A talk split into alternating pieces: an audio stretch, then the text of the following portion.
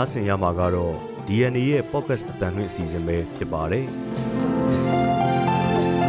ဒေါ်လန်ရေးတိုက်ပွဲကာလဖြစ်တာနဲ့အညီတနေ့တာသတင်းဖြစ်ရက်တွေကိုလူဦးဒေါ်လန်ရေးသတင်းတွေကပဲဖုံးလွှမ်းထားတတ်ပါတယ်။ဒေါ်လန်ရေးတွေကလာတဲ့စစ်ရေးနိုင်ငံရေးသတင်းတွေအပြင်တနေ့တာသတင်းဖြစ်ရက်တွေတဲ့တခြားစိတ်ဝင်စားစရာလူမှုစီးပွားဘဝသတင်းတွေလည်းရှိနေတတ်ပါတယ်။ဒီကနေ့မေလ18ရက်နေ့မှာရရှိထားတဲ့တနေ့တာသတင်းဖြစ်ရက်တွေကသတင်းတချို့ကို DNA ရဲ့ podcast အတန်လွင့်အစီအစဉ်မှာစူးစီးဖော်ပြပေးလိုက်ပါတယ်။ဒီအစီအစဉ်ကိုတော့ကျွန်တော်မောင်သိန်းနဲ့အတူကျမနန်းခမ်းကစူးစီးတင်ဆက်ပေးသွားမှာပါ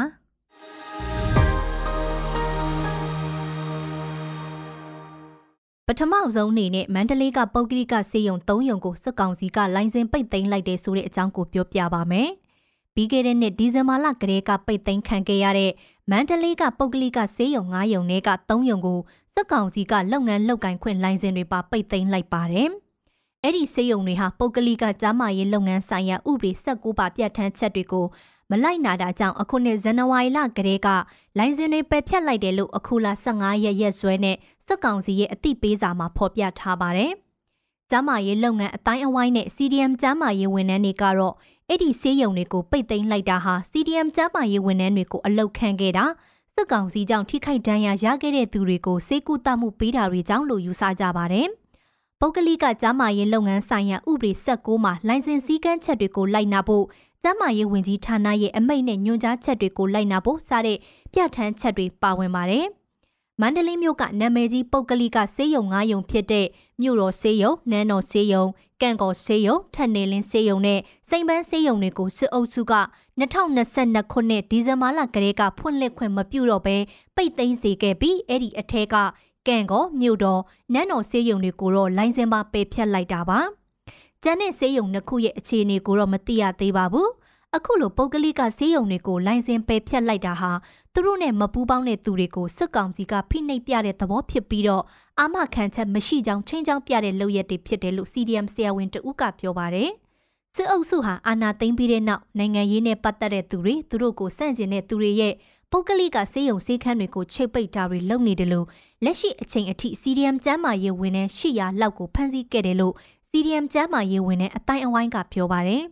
ဒုတိယသတင်းတစ်ပုဒ်အနေနဲ့မုံတိုင်းတင်ဒေသတွေကိုကူညီဖို့နိုင်ငံတကာအဖွဲ့တွေစစ်ကောင်စီရဲ့ခွင့်ပြုချက်စောင့်နေရတဲ့သတင်းကိုပြောပြပေးပါမယ်။မြန်မာနိုင်ငံကမိုခါစိုက်ကလုန်းမုန်တိုင်းဒဏ်သင့်ဒေသတွေကိုလူသားချင်းစာနာမှုဆိုင်ရာအကူအညီတွေပေးဖို့အတွက်စစ်ကောင်စီရဲ့ခွင့်ပြုချက်ကိုစောင့်ဆိုင်းနေရတယ်လို့ကုလသမဂ္ဂဆိုင်ရာအဖွဲ့အစည်းတွေကိုကိုးကားပြီး Reuters သတင်းဌာနကဖော်ပြပါဗျ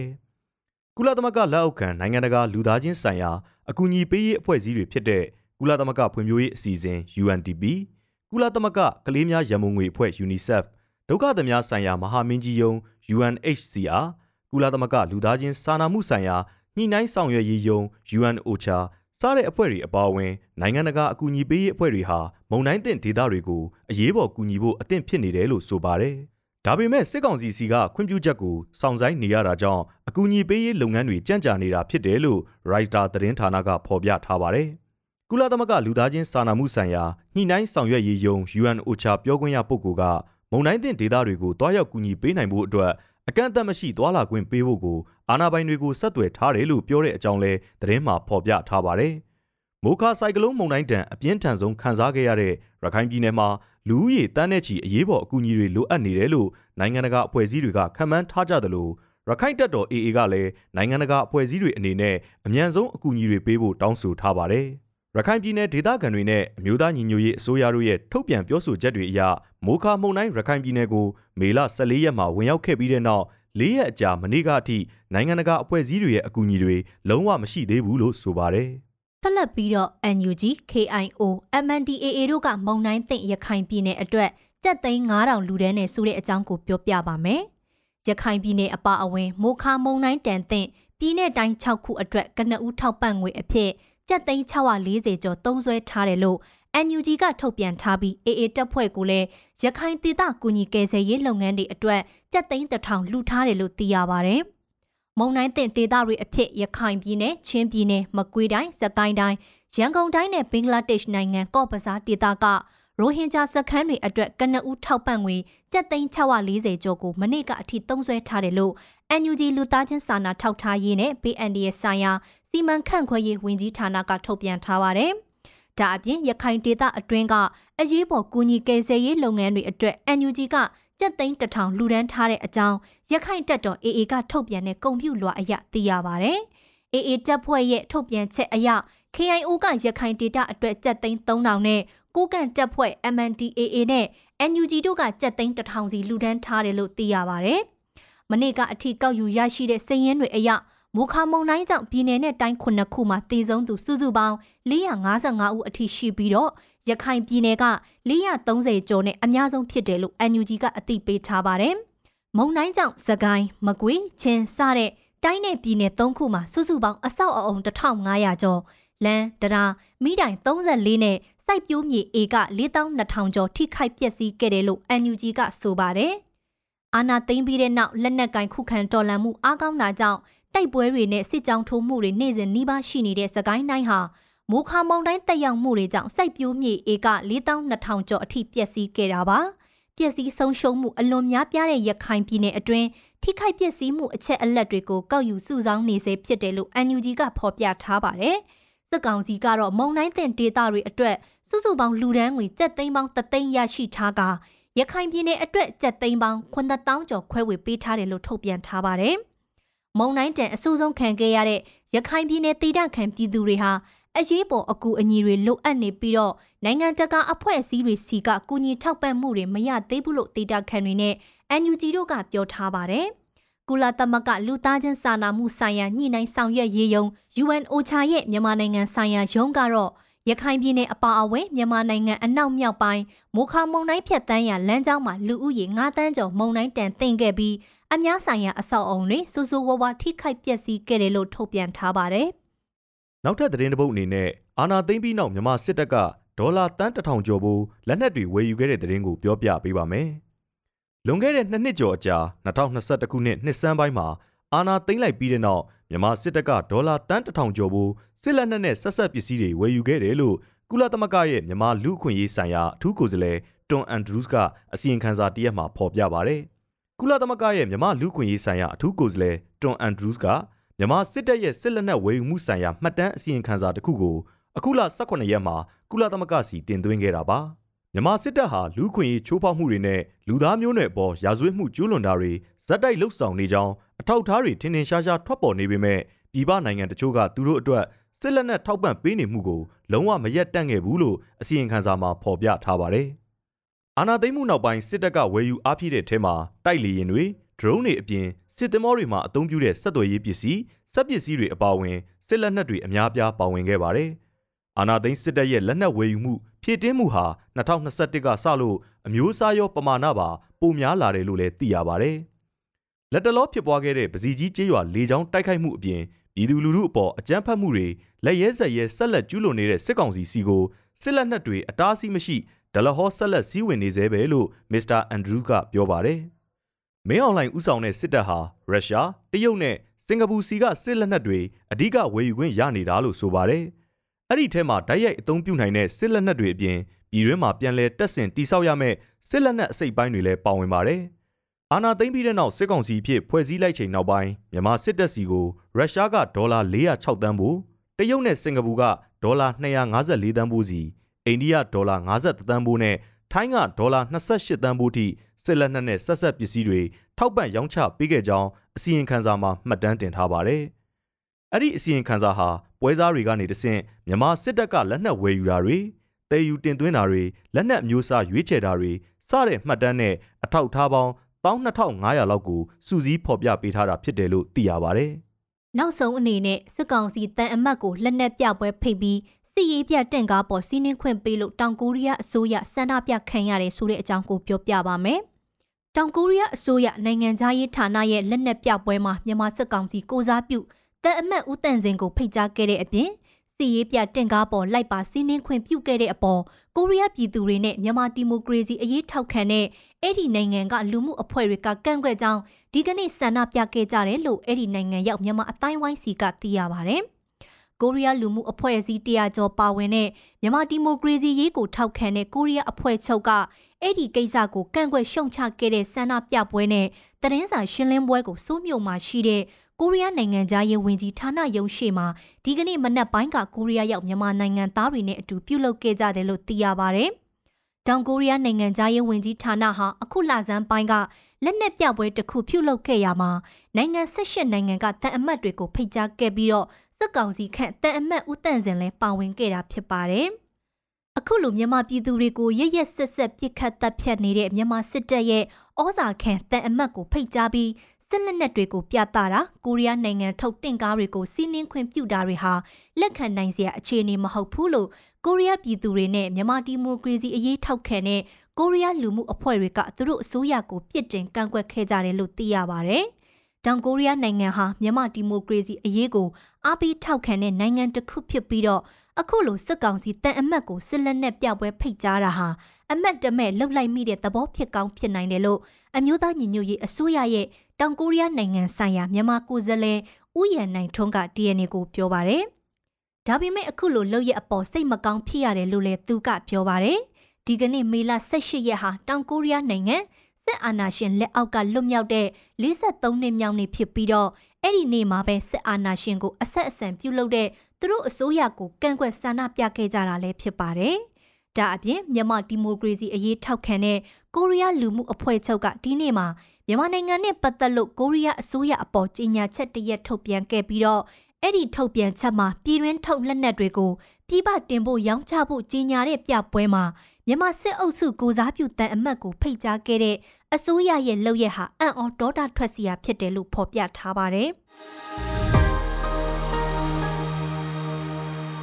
အခုနိုင်ငံတကာသတင်းအစီအစဉ်ကိုနန်းခမ်းကဆက်လက်တင်ဆက်ပေးပါမယ်။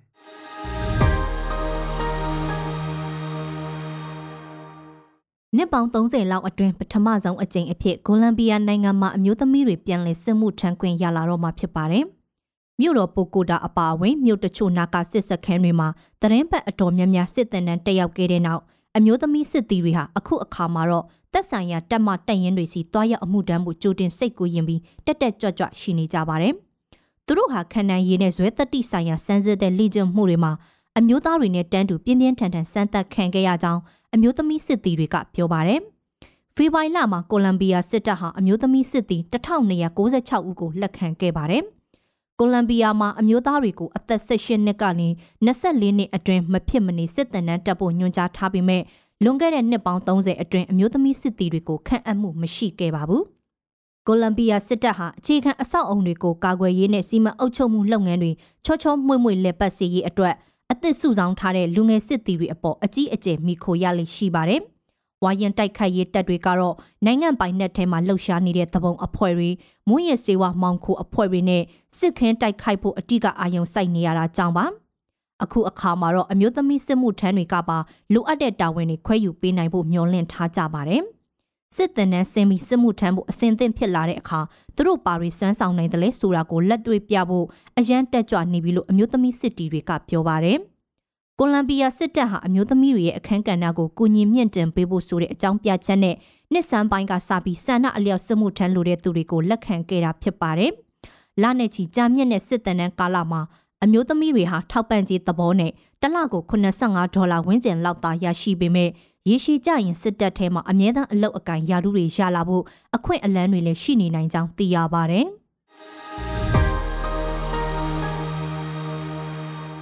အီတလီနိုင်ငံမြောက်ပိုင်းမှာမိုးတဲ့ထန်ထန်ရွာသွန်းပြီးရုတ်တရက်ရည်ကြီးမှုတွေကြောင့်လူကိုဦးတေဆုံးခဲ့တယ်လို့ကယ်ဆယ်ရေးလုပ်ငန်းတွေကြေကြေပြန့်ပြန့်လှုပ်ဆောင်နေရပါတယ်။အီမလီယာရိုမက်နာဒေတာမှာရက်တချို့ကြာအောင်ဆက်တိုက်မိုးရွာခဲ့တဲ့နောက်ရည်ကြီးမှုတွေရောမြေပြိုမှုတွေပါဖြစ်ပွားလာခဲ့ပါတယ်။ဒေသအုပ်ချုပ်ရေးဌာနရဲ့ပြည်သူ့ကာကွယ်ရေးဝန်ကြီးနယ်လိုမူဆူမီစီက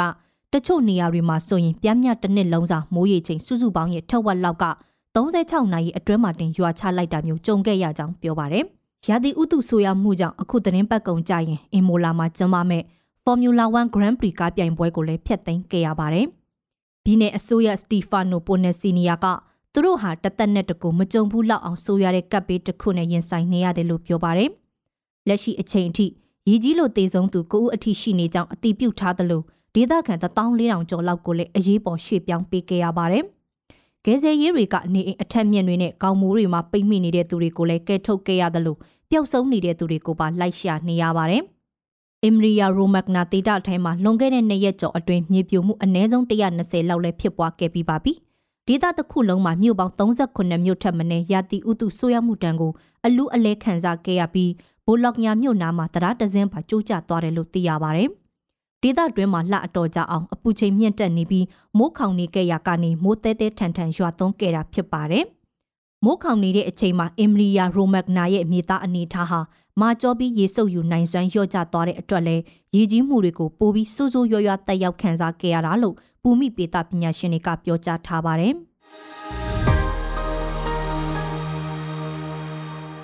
ဆက်လက်ပြီးစာရေးဆရာလင်းခါကသူ့ရဲ့အစီးတစ်ပုဒ်ကိုကိုယ်တိုင်ဖတ်ပြပေးထားပါတယ်။ ကျွန်တော်ရဲ့2019ခုနှစ်ကရေးခဲ့တဲ့ပတင်းပေါက်တက်တန်ဆိုတဲ့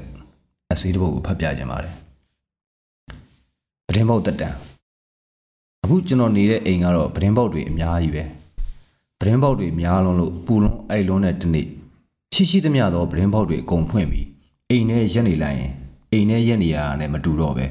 ကွင်းပြင်အလဲရက်နေရတယ်လို့ခံစားရအောင်ကိုပတင်းပေါက်တွေကများတာဒါပေမဲ့အဲ့ဒါကိုကျွန်တော်ကြိုက်ပါတယ် ပတင်းပေါက်တွေရှိနေခြင်းအပြင်လူကဘယ်တော့မှကြောင်ပိတ်မမိတော့ဘူးလို့ခံစားရတယ်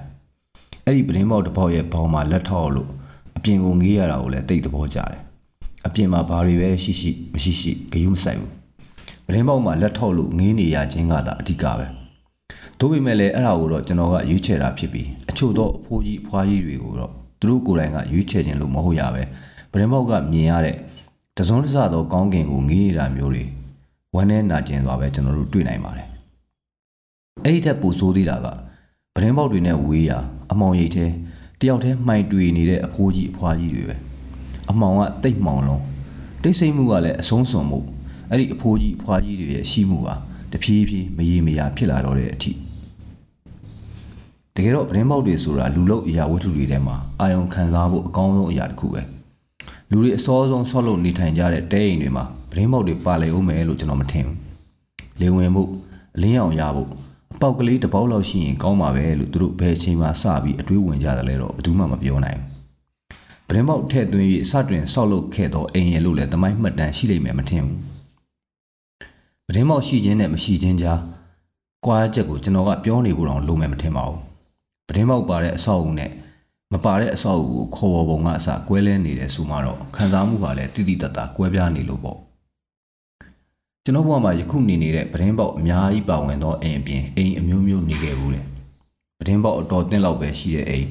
အိမ်သာတရင်နေတောင်ကောင်းကင်ပြပြကိုလှမ်းငေးလို့ရတဲ့ပဒင်းပေါက်မျိုးပါတဲ့အိမ်တအိမ်လုံးမှာမှပဒင်းပေါက်လေးတစ်ပေါက်သာရှိတဲ့အင်္ဂလိပ်မှာတော့နေခဲ့ဘူးလေအဲ့ဒီပဒင်းပေါက်တစ်ပေါက်သာရှိတဲ့အချိန်တုန်းကတော့ကျွန်တော်ကအိမ်ထဲရှိနေသမျှကာလပတ်လုံး အဲ့ဒီပဒင်းပေါက်ကလေးနားမှာပဲစိတ်သက်ကြနေတဲ့အချိန်မှာတော့ပဒင်းပေါက်ကနေခက်ဝေးဝေးတနေရာကိုတွားထိုင်နေဖို့ဆိုတော့စိတ်မကူးခဲ့ဘူးလူတယောက်နေတာတဲ့ညနေခင်းတစ်ခုမှာပဒင်းပေါက်မှာရက်လို့အပြင်ကိုငေးနေတဲ့မြင်ကွင်းမျိုးလူတော်တော်များများမြင်မှုကြမှာကျွန်တော်အထက်တန်းကျောင်းသားအရွယ်ကဆိုရင်အင်းအားကံပေါ်မှာညနေခင်းတော်တော်များများလမ်းသွားလျှောက်ခဲ့ဘူးလေအဲ့ဒီချိန်ဆိုကျွန်တော်လိုကံပေါ်မှာလာလျှောက်သူတွေဟာရေပြင်ကိုငေးလို့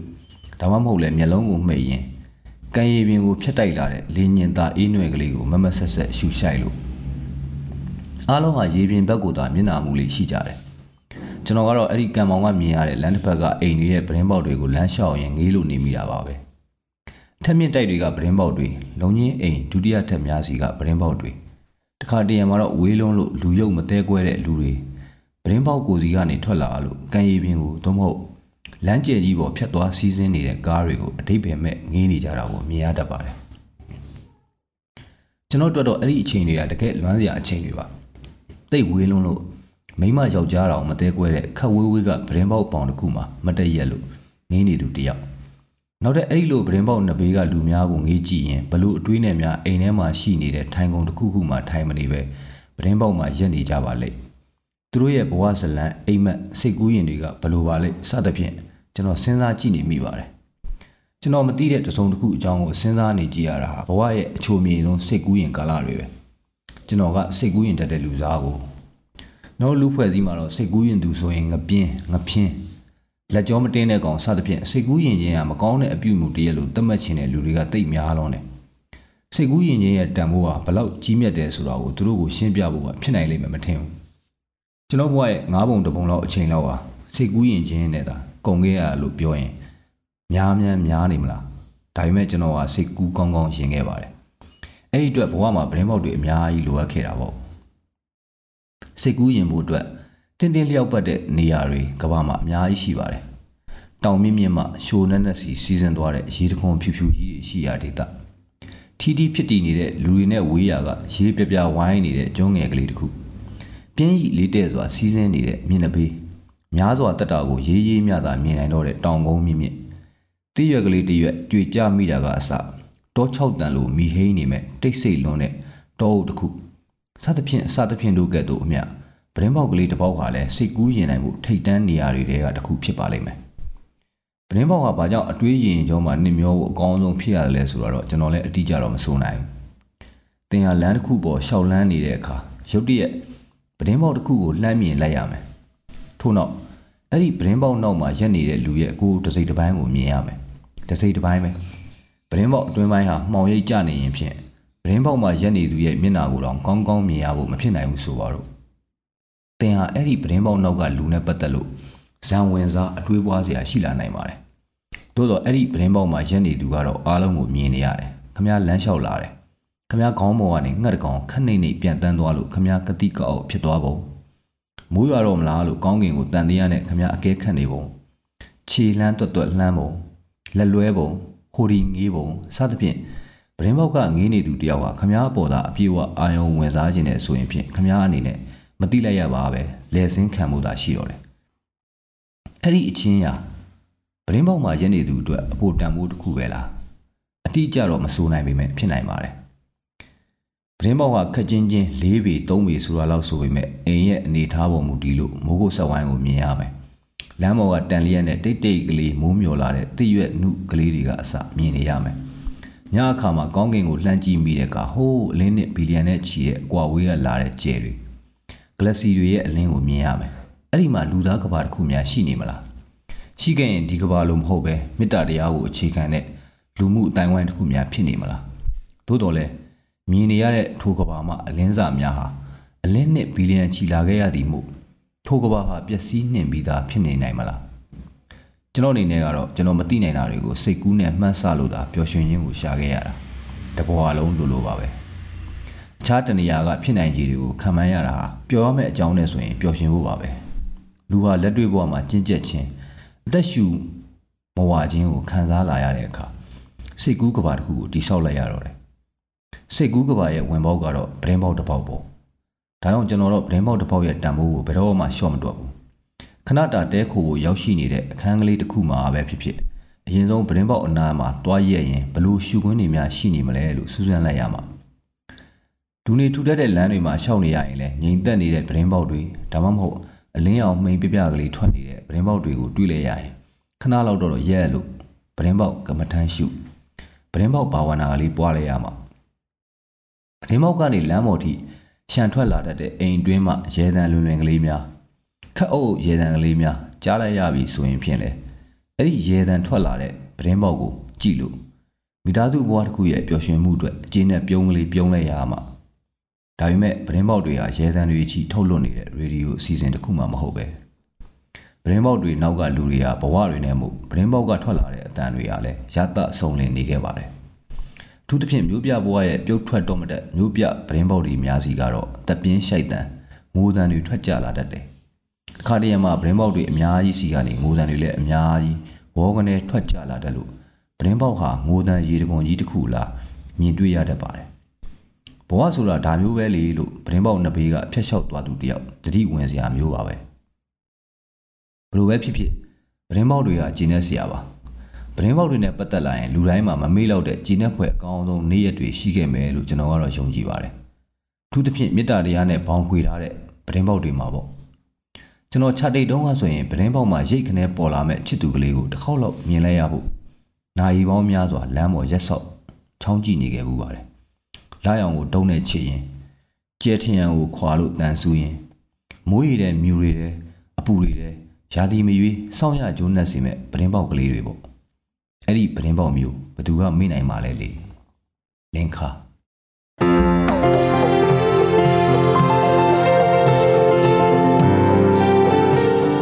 ဒီ DNA ရဲ့ podcast အတန်လွင့်အစီအစဉ်ကိုအပတ်စဉ်တနင်္လာနေ့ကနေတောက်ကြနေ့ည9:00နာရီတိုင်းမှာတင်ဆက်ပေးသွားမှာပဲဖြစ်ပါတယ်